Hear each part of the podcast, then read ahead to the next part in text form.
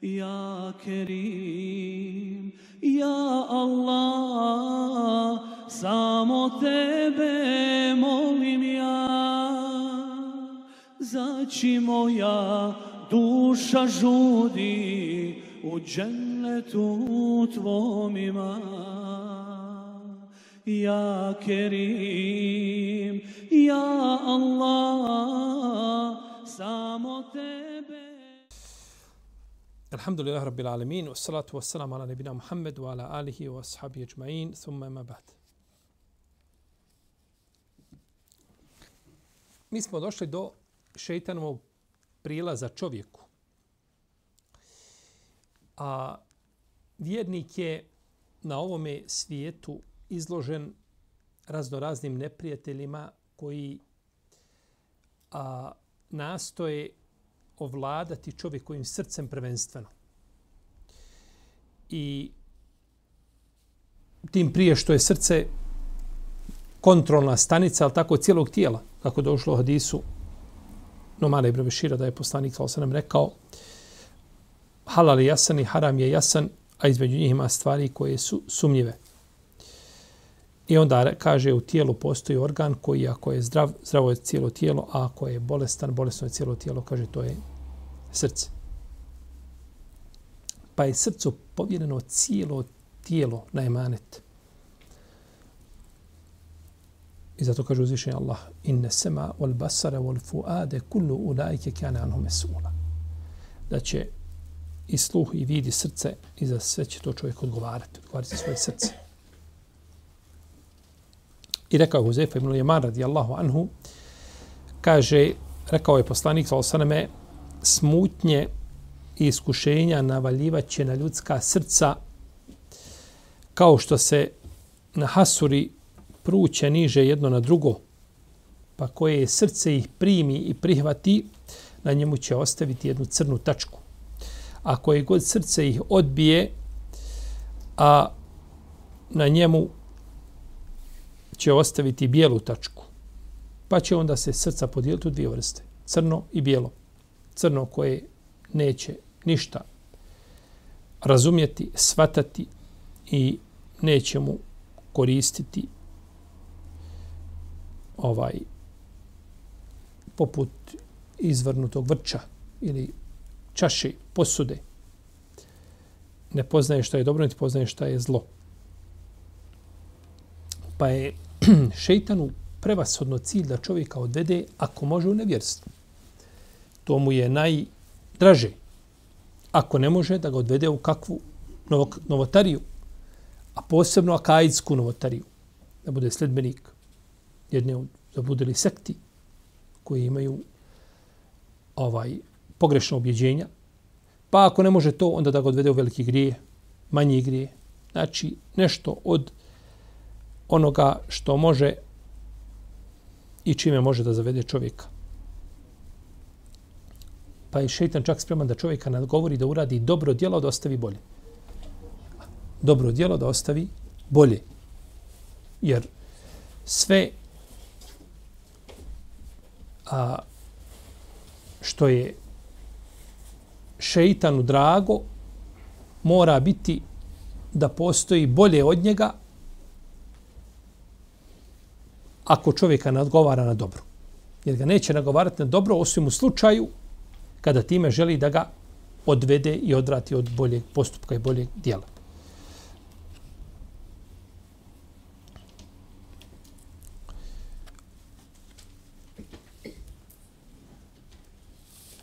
I šeitan ne odmara u tom pogledu nikoliko trepta je oka. Kada je Hasan al-Basri upitan da li šeitan spava, kaže da spava i mi bi se odmorili. I mi bili mirni, ali nisi miran. Nikada nisi miran. Pa uljepšava čovjeku stramputicu da ga odvede, znači, s pravog puta. Mi smo prije tebe narodima poslanika stali, pa im je šeitan lijepim predstavljao postupke njihove i on je sada njihov drug. Ponekad naziva griješenje lijepim imenima. Kao što je nazvao drvo, je tako, koje je bilo zabranjeno Adem, ali sam nazvao ga je kako? drvo besmrtnosti, drvo vječne vlasti. Pa je tako ga prevario. I do dan danas imamo je tako nazivanje, je tako griješenja, kako je došlo od Isu. Ebu Malika, Lešćaj ili šarija. Da je poslanik, sal sam rekao, neki ljudi iz moga umeta će, kaže, ohalaliti. A vino, konzumirati, misli se na opojna pića, i nazivati i kaže drugim imenima. Nazvaće ga, znači, ovaj, tako, duševno nekako piće i slično tome da bi ga ohalalio, neće ga nazivati pravim imenima. Kao što će kamatu nazivati korist. Kamata nije korist, nego je šteta.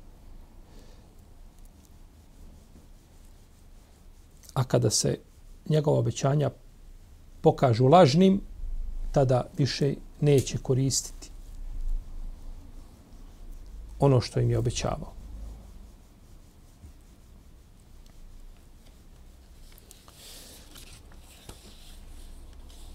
I mi smo spomnjali priču onoga isposnika koji je bio koga je šeitan zaveo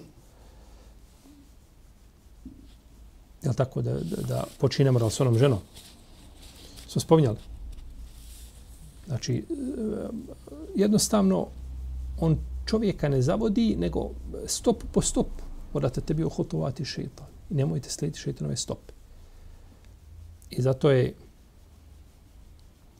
čovjek ne skriće s pravog puta od jedan put, nego to ide postepeno. Postepeno, postepeno i na kraju završil tako poriče sunnet. On nije počeo poricat sunnet i izbaciti ga iz prakse u životu od jedan put, nego ima, kaže, neki hadisa koji ha, problematični.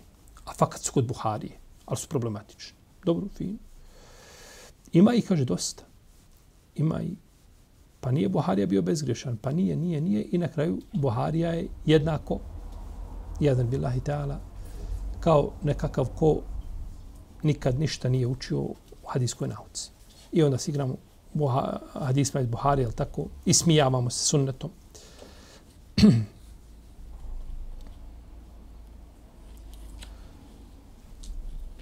Odbacujući to svojim razumima. Brojni su putevi kako šeitan zavodi čovjeka. Mi ćemo spomenuti neko, neki od tih puteva.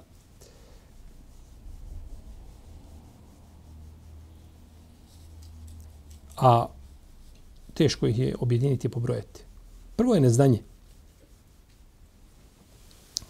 Šeitan jako vješto koristi situacije kada ljudi ne poznaju propise svoje vjere da ih odvede u zabludu bilo da ih odvede u zabludu da pretjerivaju u svojoj vjeri ili da ne dotjerivaju.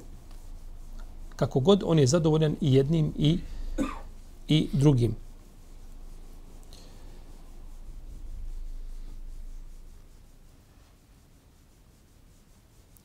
Enes ibn Malik kaže da je poslanik, sa osam, da je jedan čovjek rekao, kaže, o prvače naš, sinu prvaka, o najbolji naš, sinu najbolji.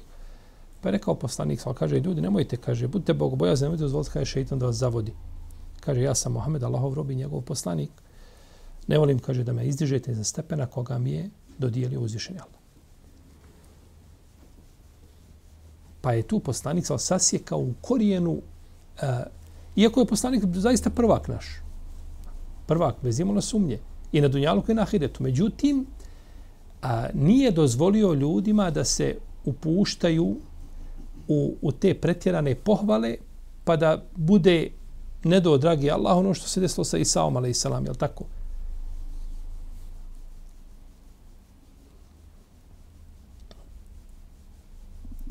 Mi znamo kako je šeitan zaveo Nuhov narod. Imate kipove. Oni su, kaže, sjedli ovdje. Dajte na ta ista mjesta, svaki gdje je sjedio njegovo mjesto, napravite kipa. Samo da i se sjećate. I U tome nema ništa loše. Ima loše. Da se napravi kip. Ma ima u našem šarijetu, nije bilo u njihovom. Znači, u njihovom šarijetu nije bilo to sporno, ništa. On neće, nije naveo ih na zlo. Kažu, to sjećate se i lijepo. Kažu, stvarno, šta je problem? I nakon toga naprave E, lijepo, ta generacija ošla, došla druga, došla treća, smjenjivale se generacije, kako smjenjivale, tako i on je zavodio. I dok nije na kraju kaže, to su vaši predsa obožavali, treba ti obožavati.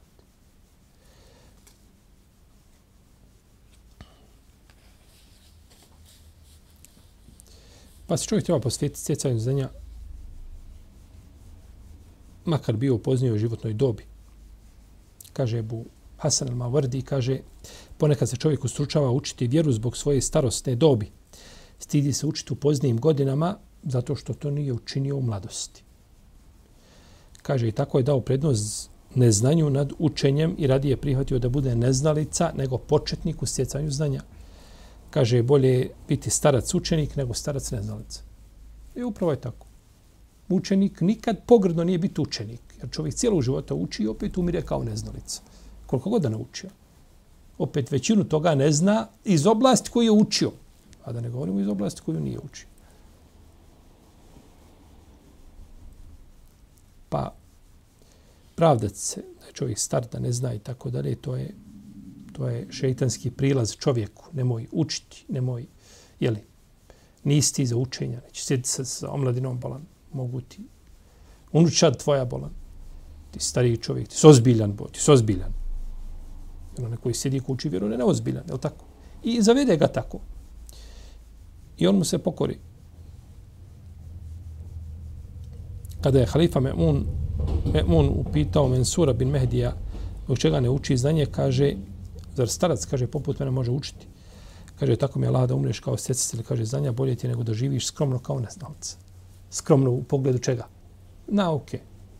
Zahid u pogledu nauke, pa umre kao, umre kao neznalica. Kaže, šafija, imam šafija, kaže, a nikada, kaže, nisam vidio starca koji ne uči, iako ima mogućnost da tječe znanje, kaže, da se nisam sažaljevao nad njim. Bez obzira, kaže, o kome se radilo. A Ibn Mutez je rekao, učenjak poznaje neznalicu jer je sam nekad bio neznalica. A ovaj ne zna, ovaj ne zna učenjak, jer nikada nije učio pa da bi znao vrijednost nauke i vrijednost znanja.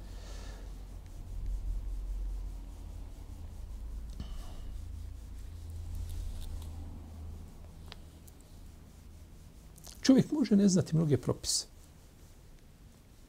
Ali kad je svjestan svoga, znanja, e, svoga stanja, onda će ili učiti ili pitati ili će nastoje doći do tako. Najgore je neznalica koji sebi koji sebe ubijedi da je da zna i onda objeđuje i druge da zna. To je jer dovoljno čovjeku džehla da sebe smatra da je dovoljno učen i da ne treba učiti.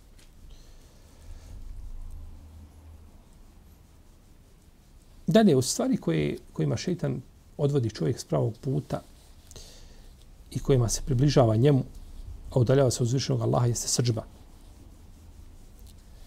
I to je jedan od najpodmuklijih puteva kojim šeitan prilazi čovjeku.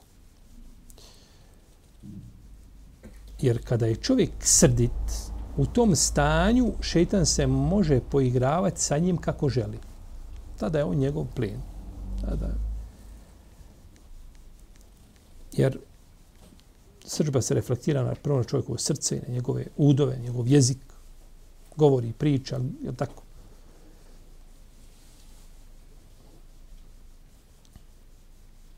Anas ibn Malik kaže da je poslanik Salsane prošao pored skupine ljudi koji su pozvali svoje glasove, pa je pitao o čemu se radi, šta je s ovim ljudima. Kaže, kažu, Allah poslanič kaže, ima tu jedan Hrvač kome niko ništa ne može. Svakoga pobjeđuje. Pa je poslanik, sal sam rekao, zar ne želite, kaže, da vam kažem ko je jači od njega? Kaže, čovjek koji, kome drugi čovjek učini nepravdu, kaže, pa on obuzda svoju srđbu. Suzbije svoju srđbu, kaže, i tako pobjedi svoga šeitana i pobjedi njegovog, i njegov, ako pobjedi njegovog šeitana. Šeitana koji mu učinio nepravdu. Ajbo Horeira prenosi da je poslanik, sal sam rekao, nije snažan onaj ko je u Hrvanju, ko u Hrvanju protivnik savlađuje, već je snažan onaj ko savlađuje sebe u srđbi. To je snaga. To je snaga. To je pravo, to, to je kulminacija snage da čovjek, čovjek sebe čovjek savlada u sržbi. Jer ta snaga stiče srca. Snaga tijela, mišića, nešto tamo, to je drugo. To svako se može priuštiti. Ali snagu srca ne može.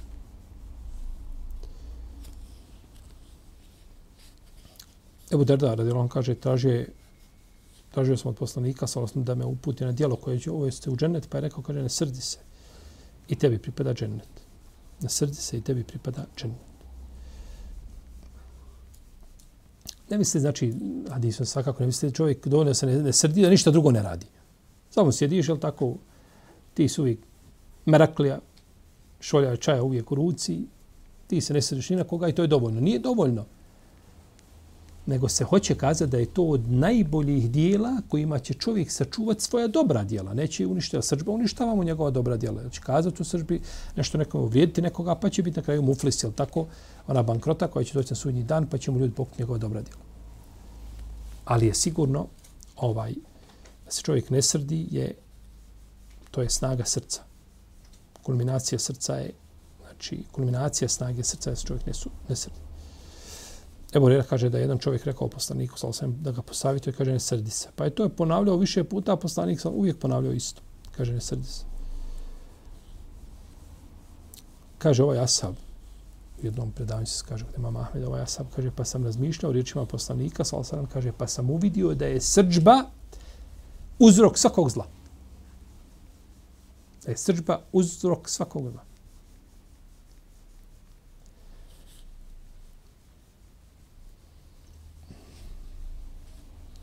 I upitan je poslanik o dijelu koje je udaljao od Allahove srđbe, pa je rekao, tom čovjek kaže, ne srdi se.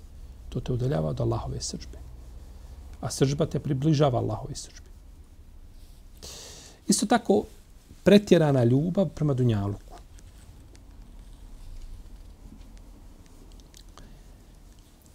Šeitan nastoji čovjeku ukrasti ovaj Dunjaluk, jeli, kao da ga predstavi kao cilj, a ne kao sredstvo do cilja. Čovjek po prirodi voli, voli dunjaluk, voli imetak, voli, voli lagodno živjeti. I to tog momenta nije problematično. Uzvišen je Allah ga tako stvorio. Mogao je stvoriti da, da kad vidi ovaj komad zlata da ne može sebi doći osam dana od muke. Nego je stvorio da voli imetak. زين للناس حب الشهوات من النساء والبنين والقناطير المقنطرة من الذهب والفضة والخيل المسومة والأنعام Uzvišen je Allah spominje da čovjek to voli, voli ukrase te dunjalučke. Međutim, mora ih kontrolirati. Mora ih staviti pod kontrolu. U protivnom će postati rob tih ukrasa, a ne može ih stići. I koliko god da ih stigne, opet je mora sve ostaviti nekome. Neće ništa, ništa sa svom ponijeti. A pogledajte ove milijardere što ima, je, ne zna šta ima u njega je zekijat, mjeri se stotinama miliona. Zekijat. I na kraju kad odlazi, ništa. Ma napravi mu zlatni kovčeg i napravi mu stavimo stavi mu klimu, stavljaju mu klime, neki vas klime stavlja. Klimu stavi. On ide, on ništa to ne, ne nosi sa sobom. A koliko je prekršaja napravio da je došao do tog imetka?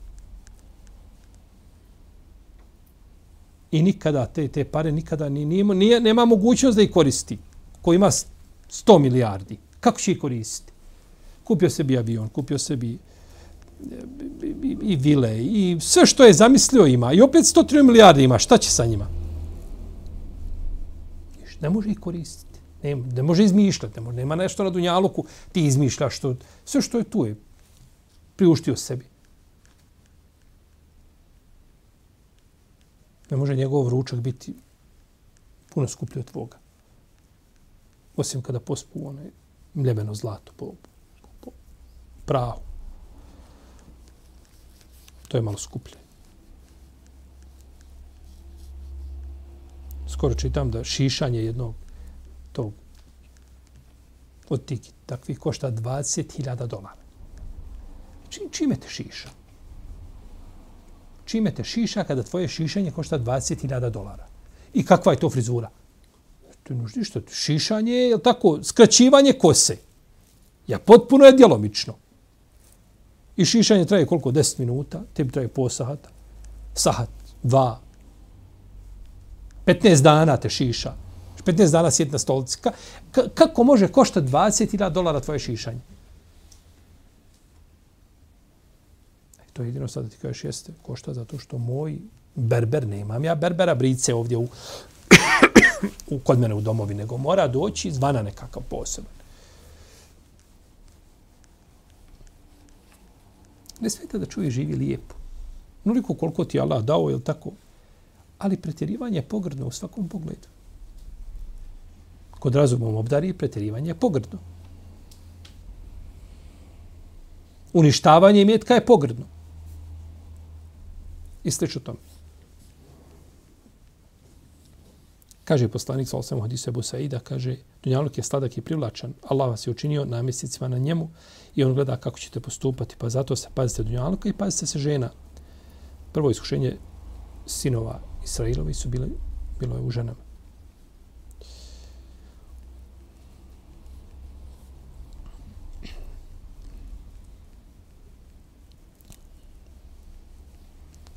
Došli su neki ashabi kod poslanika, sa kada učio za okuplja s nastojen da što im učini budete. Ah, el hakumu tek Samo da se nagomilava. Pa je poslanik sa rekao, kaže, čovjek govori moj imetak, moj imetak, a čovječe, zar tebi pripada drugi imetak osim ono što pojedeš pa izbaciš i ono što obučeš pa podereš i ono što podijeliš u sadaku pa prosediš do najsvijet. Ja jedeš, i piješ, ja se odjevaš, ja si nekome nešto udijeli. Znači, nema, ne može čovjek, jel tako, ovaj, postići Allaho zadovoljstvo, osim da postupa umjereno sa svojim imetkom. Kada, su, kada je došao imetak iz, iz Bahreina, kada su a, došli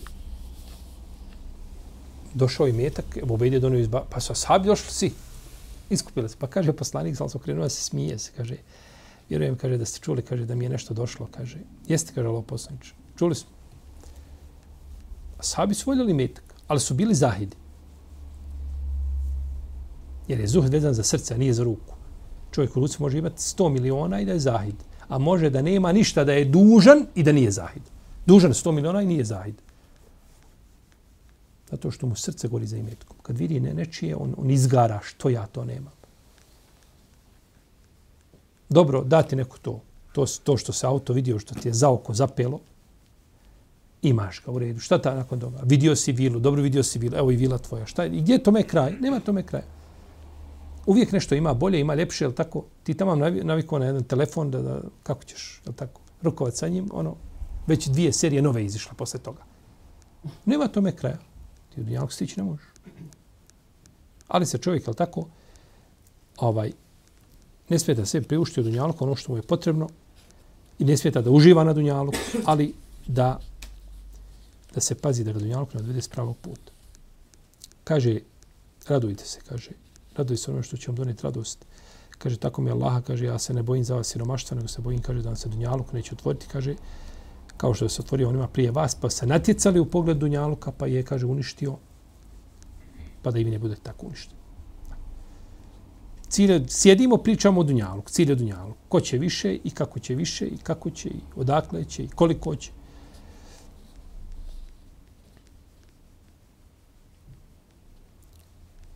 Neki su to tražili da li onda im opiše stvarnost Dunjaluka, pa je rekao, kaže, hoćete onako opširno, podrobno, ili ćete onako nešto kratko, Por, ne, kaže, kratko ti nam onako poruku jednu. Kaže, za njegov halal valja odgovarati, a za haram valja u vatri gorjeti. Za halal ćeš biti jelo, piće, za halal što je, bit ćeš pitan za to. A za haram ide se u džahennem. Eto, kaže, šta ti je dunjalo. Radi Allahu ta'ala. Ebu Hazmi Salamir Dinar kaže, čudni su ljudi koji rade u korist kuće koju svakog dana postepeno napuštaju, a ne rade za korist kuće koju se svakog dana postepeno približavaju. Maš jednu kuću i napušta, ona odlazi, ona gotovo ne, nikad je, a tamo te čeka jedna kuća u kojoj valja puno duže živjeti. A, ne, duže, nego, du, ne duže, nego vječno. A ti uvijek se okrećeš i gledaš ovu. A, a vuku te prema ono i ti gledaš ovu. Šta je, jeli, da nije, da nije ovaj gore nešto se odlijepilo, otkovalo, treba ga zakovati, za treba dograditi, treba.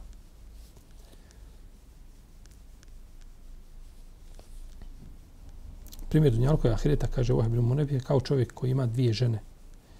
Ako dovolju jedno i druga se ljuti.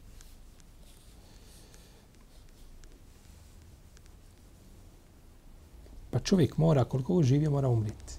Mora to ostaviti i život proleti Kada je, kaže Nesi Mali, kada je Melek smrt došao Nuh, ali salam, pa ga je upitao, kaže, o, kaže, poslaniće sa najdužim životom. Kaže, opiši nam Dunjaluk. 950 godina proveo u Davi.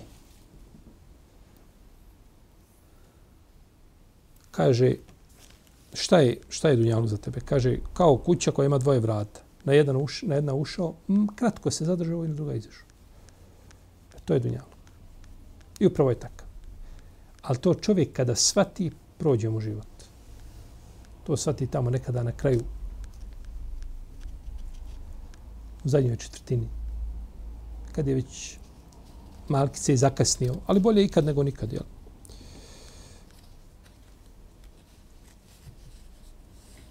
Nada u dug život na ovom svijetu. Čovjek koji živi u dugim nadama na ovom svijetu, on često, često ga šeitan prevari pa umre bez te obe. Jer on nada se, bit će ima vremena, pa ovaj, neće tako brzo proći, pa bi, ja ću biti hađija. Ja, ja, ne, ja ću ja spavati u džamiji. Samo je to kasnije nekada, ne sad, kasnije nekada to kad bude. I onda to kasnije čovjek više ne dočeka ili mu uzviši Allah ne dadne teufika, ne dadne mu uspjeha da on tako postupi kako je on zamišljao. Ja neću kazati kako je nijetio. Jer ne može tako nijet, ja ću nekada kasnije. Ne kaže ja ću nekada kasnije sakuplja dunjalog. Nego sad odmah, večeras, prije, prije zore. A kada upitam tako, vjera onda, onda rasteže i razdlači.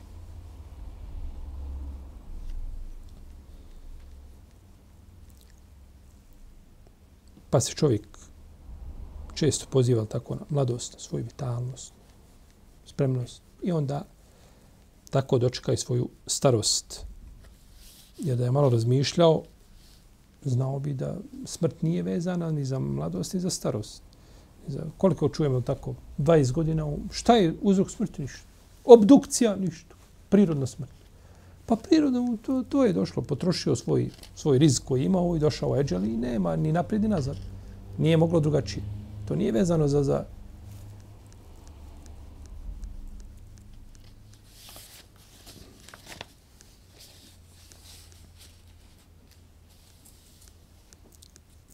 srce stare osobe ne prestaje biti mlado kada je u pitanju dvoje.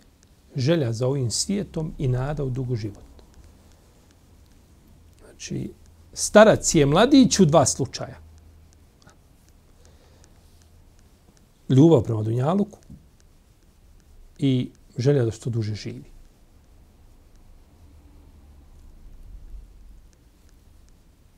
A danas je vrijeme kada ja sam dao jednog našeg brata rahimahullah. On je bio onako starije bio. Ja ga nisam volio sresti nikako.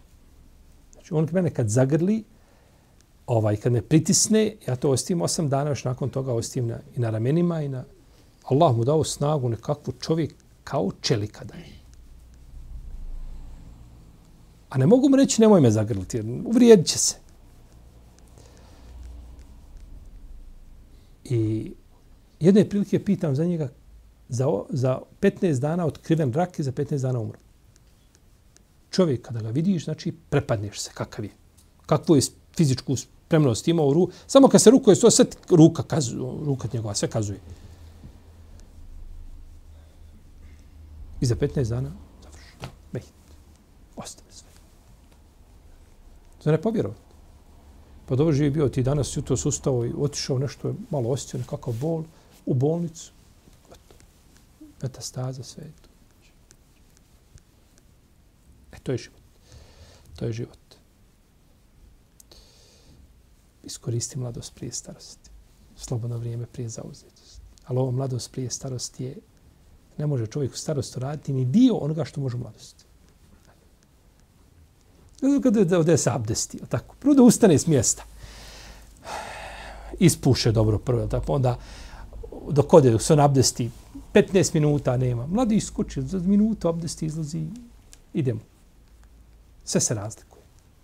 Zato riječi poslanika, sa osam iskoristi, mladost prije starost su ovaj, veliki e, savjet, pravi savjet vjerniku.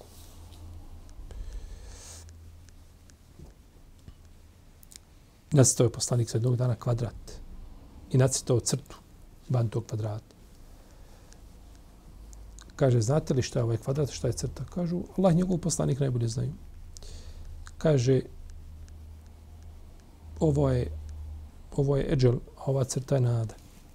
Proletla nada tamo negdje ošla 180 godina. A eđel 60 bio, 40. Nade su bile duge.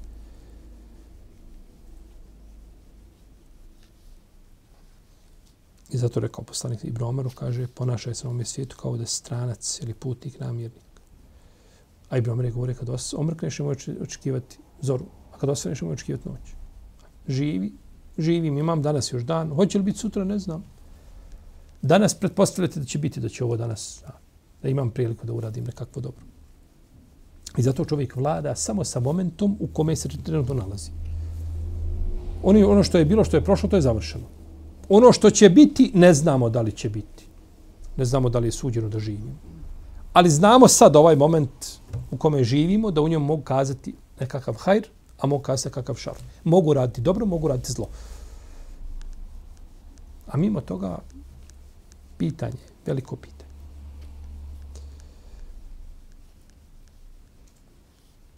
Jednog je dana poslanik bacio kamenčić jedan koji je blizu pao i drugi je bacio dalje. Kaže, znate šta predstavljaju ovi kamenčići? Kaže, ovaj predstavlja prvi onaj što je dalje otišao, drugi dalje otišao, kaže, on predstavlja nadu. A ovaj prvi simbolizira smrtni čas. Pa je nada uvijek dalja od, je tako? Sve do čovjeka da je nekakav projekat zaustavio da kaže, neće ja to dočekati, sigurno ja to ne mogu smrt će biti prije toga i da je to obustavio. Ide, radi, radi, radi. Jo. I iz bolnice upute daje. Sa na aparatima upute daje. Jer uvijek je nada, je tako? U Dunjaluk, velika. Veže se čovjek za svijet i onda kada treba da ode svijeta, njemu je žao svake košulje koju nije obukao. Kako ću umrijeti da imam košulju, a nisam je obukao? Ne može ne može ostaviti dunjalog. Pa je razlika među dvojice između onoga ko, ko ima dunjaluka, nije se vezao srcem za njega, i onoga ko to ima, a vezao se.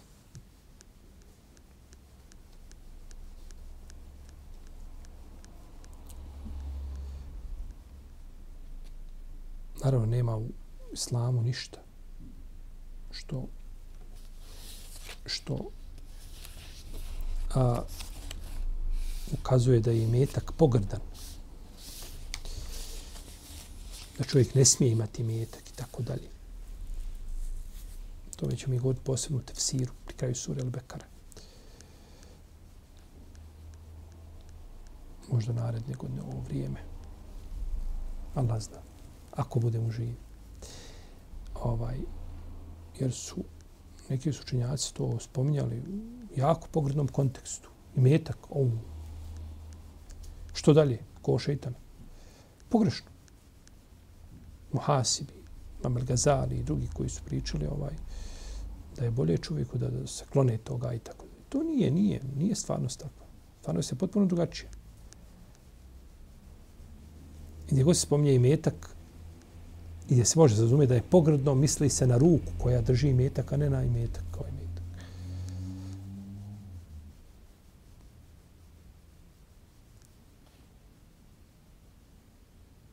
nastavit ćemo. Allah ta'ala. Sallallahu ala nabiju Muhammed wa ala alihi wa sahbihi.